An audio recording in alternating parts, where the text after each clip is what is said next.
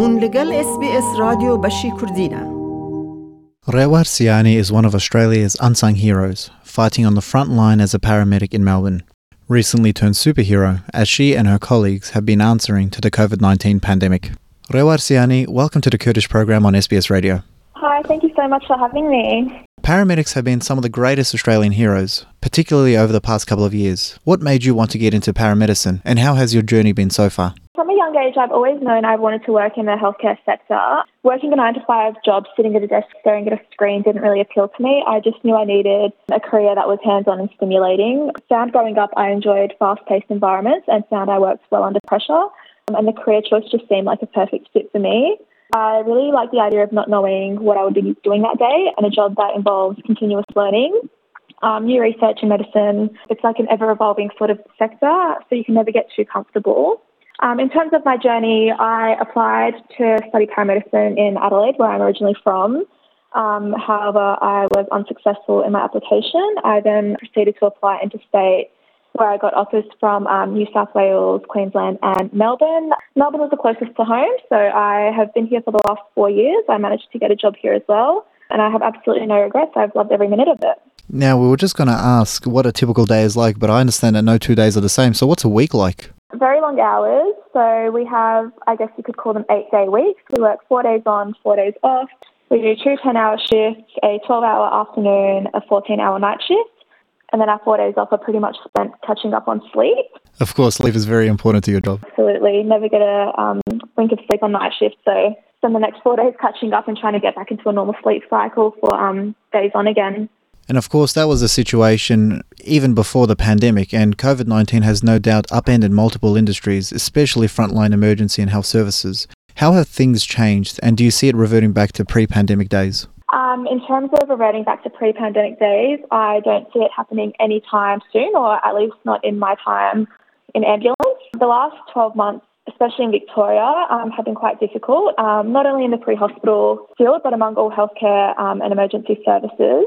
I have never experienced an environment where morale was so low. It's been mentally, physically, and emotionally draining. Um, and as a cohort, I believe during the peak of it all, especially in Victoria during lockdown, we were all super, super burnt out. It was quite bittersweet because, you know, on one hand, we were trying to be grateful that we had income. We were able to leave our homes and go to work, as opposed to, you know, those people who have lost their jobs, lost their income. So it was difficult to stay positive.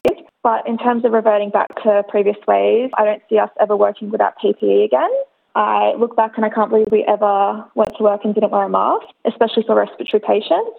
In terms of treatment that patients are getting, so during the pandemic, a lot of our guidelines changed. I'll give you an example. So pre COVID, someone with asthma would get nebulized medications, they would get oxygen. During the pandemic, all of that was prohibited. Um, we weren't able to treat people as we typically would. People weren't getting the best care from us. Their health was deteriorating. They were unable to see their GPs, so they were sort of just leaving their conditions till they got really bad, and then we're calling ambulances because they were unable to get those regular checkups, unable to um, renew their medication scripts. In terms of patients who presented in a cardiac arrest, rather than just going in and immediately starting chest compressions, we would have to wait five to 10 minutes on the appropriate PPE before going in. And again, even with our cardiac arrest, our guidelines had changed. So they were um, waiting longer to get airway management, which was depriving the brain of oxygen, which was obviously worse outcomes for the patient. So it's affected the job in many ways. Um, yeah, and I don't see us going back to normal anytime soon, unfortunately. We can understand how morale can be so low during a pandemic, but is there light at the end of the tunnel, do you think? So, because of this pandemic, there have been, I suppose, increased attention to patients coming in, perhaps? I can only speak on behalf of Victorians and healthcare workers in Victoria. I think we've had it the hardest as opposed to the rest of Australia.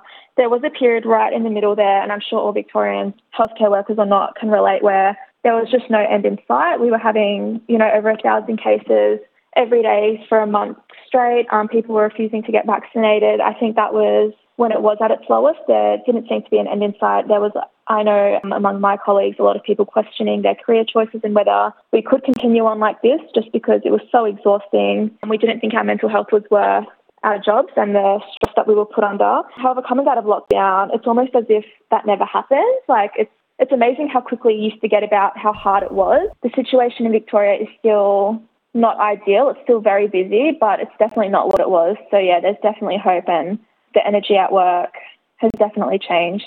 The challenges are very well known by all the Victorians, and one of the biggest challenges with COVID 19 has been information and digestion to multicultural communities. What's it been like having up to date information from authorities as a frontline health service worker and potentially having it received skeptically in our or other communities?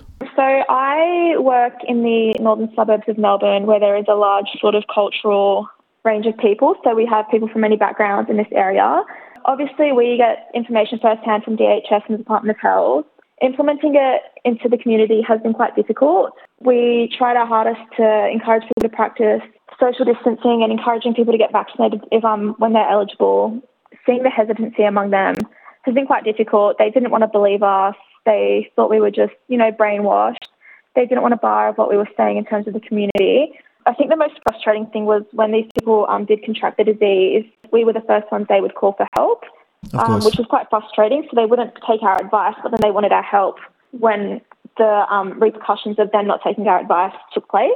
And a year later, or two years into the pandemic, I should say, are we noticing a bit of a cultural or a behavioural shift in those cultures?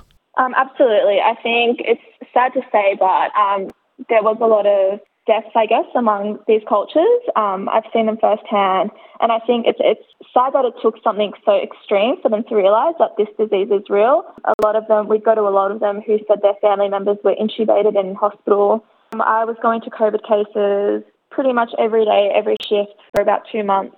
Earlier this year, none of them were vaccinated.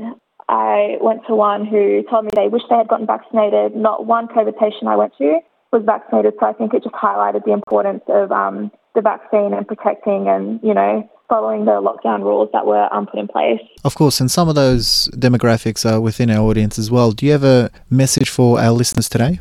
In terms of a message for the community today, I would say to save ambulance for emergencies, there are plenty of pathways that people can take before they resort to calling an ambulance. For example, they can contact their local GPs or locums. Pharmacies, nurse on call is always a great option. I would encourage everyone to get vaccinated if they haven't already been and if they're eligible. And just be proactive with your health, prevent small issues from becoming emergencies, get regular checkups at your GP, and just put your health first. It's very important. And I would also just you know, like to thank any other frontline or healthcare workers who are listening for their services. It's been quite difficult, and um, you know, I think we've done a great job coming out of it. Rightly so, and thank you very much for your service and your time today, Rewar Khan. Absolutely, my pleasure. Thank you. دەتەوێت بابەتی دیکەی وەک ئەمە ببیستی؟ گۆڕایرە لەسەر ئەپ و پۆدکاست گوگل پۆدکاست سپۆتفاای یان لە هەر کوێیەک پۆدکاستەکانت بەدەستدەێنیت.